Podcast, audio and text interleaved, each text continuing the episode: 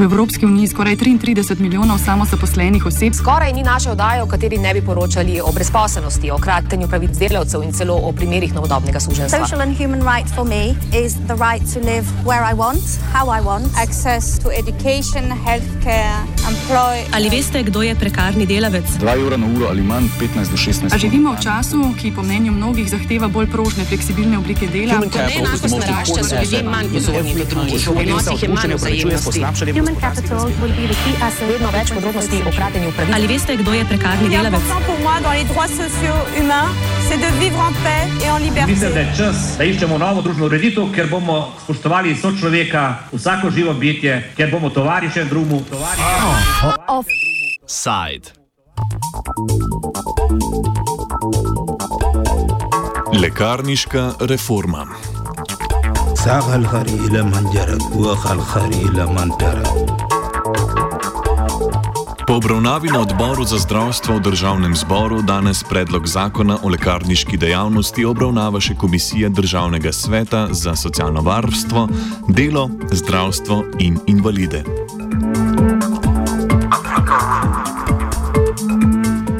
Predlog zakona uvaja nov demografski kriterij za vzpostavitev lekarniške mreže.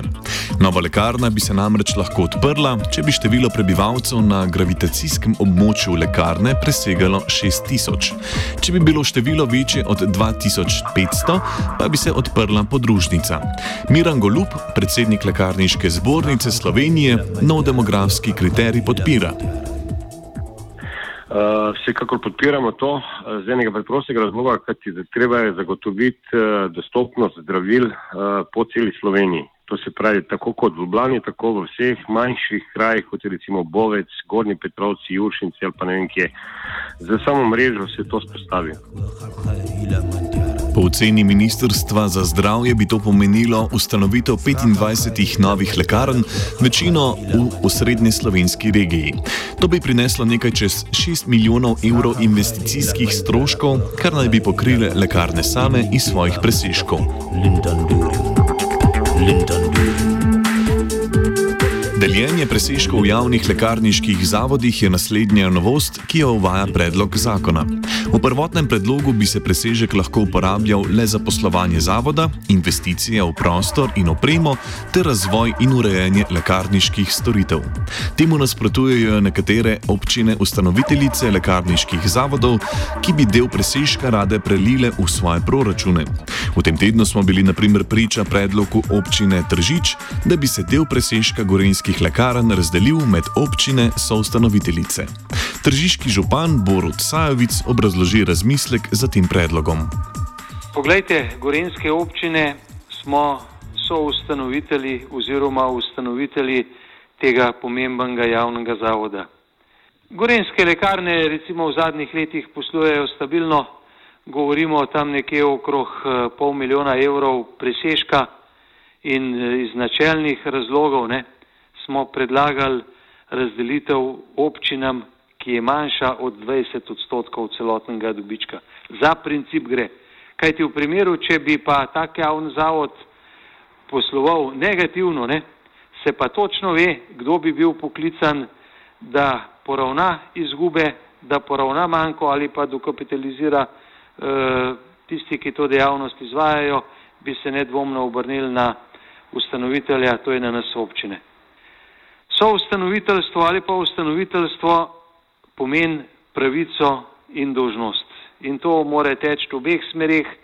Mi seveda kot občine bomo gorenskim lekarnam, ki imajo nek poseben položaj na trgu, iz tega ustvarjajo tudi kar znaten presežek, zagotovo jim bomo zagotavljali in smo jim tudi v preteklosti vedno sredstva za razvoj, za investicije, ukolikor pa je dobička toliko, da pa je nekje recimo omogočena 13. in 14. plača, druge v javnem sektorju pa nagrajevanje, stimuliranje dobrih zaposlenih ni mogoče, potem smatram, da je čas, da o tem vprašanju razmislimo, se pogovorimo in sprejmemo ustrezno rešitev. Zaradi to vrstnega nasprotovanja strogim omejitvam glede delitve presežka je v predlogu zakona že prišlo do spremembe, pojasni Golub. Vsekakor podpiramo to, ampak je zaenkrat že bila sprememba uh, v tem predlogu, ki je zadnji predlog, ki, bi, ki je šel na vlado. Uh, je sprememba notri, da se najprej treba poskrbeti za likvidno, solventno in likvidno poslovanje uh, lekarn za razvoj, pa šele na to lahko uh, ustanovitelj oziroma nadzorni svet predlaga ustanovitelju, da se del presežka vrne občini. Uh, tako da mi pozdravljamo to, da bi moralo bi biti notri, da ostane za razvoj lekarniške dejavnosti. Naslednja novost, ki jo predlaga nov zakon v trenutni obliki, je prepoved oglaševanja izdelkov. Ta vključuje tako zdravila kot ostale izdelke za podporo zdravljenja in ohranitev zdravja. Nekatere lekarne, med drugim lekarna Ljubljana, temu nasprotujejo, saj se nekateri izdelki, ki niso zdravila, prodajajo tudi na drugih prodajnih mestih, za katere zakon o lekarniški dejavnosti ne velja. S tem naj bi se po njihovem mnenju ustvarjala nelojalna konkurenca. Lekarniška zbornica pa prepoved oglaševanja kljub temu podpira. Se strinjam, eh, da so določeni akteri v, eh, v lekarniški dejavnosti bili proti temu, zbornica ni bila proti temu. Zbornica se je vedno za, uh, zauzemala za to, da se omeji vpliv farmacevta na, na samega pacijenta. To se pravi, da se dosti krat pacijenta zaščiti pred njim samim.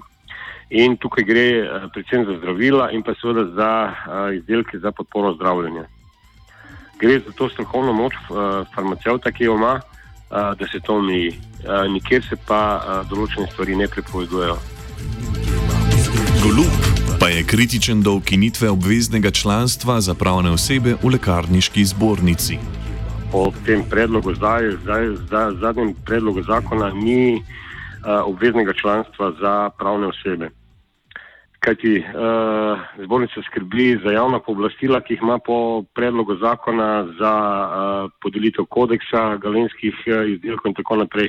Vse to je bilo pod vprašanjem, če ne bo obveznega članstva. To je ena od uh, bistvenih stvari. Offside je pripravil Twitter.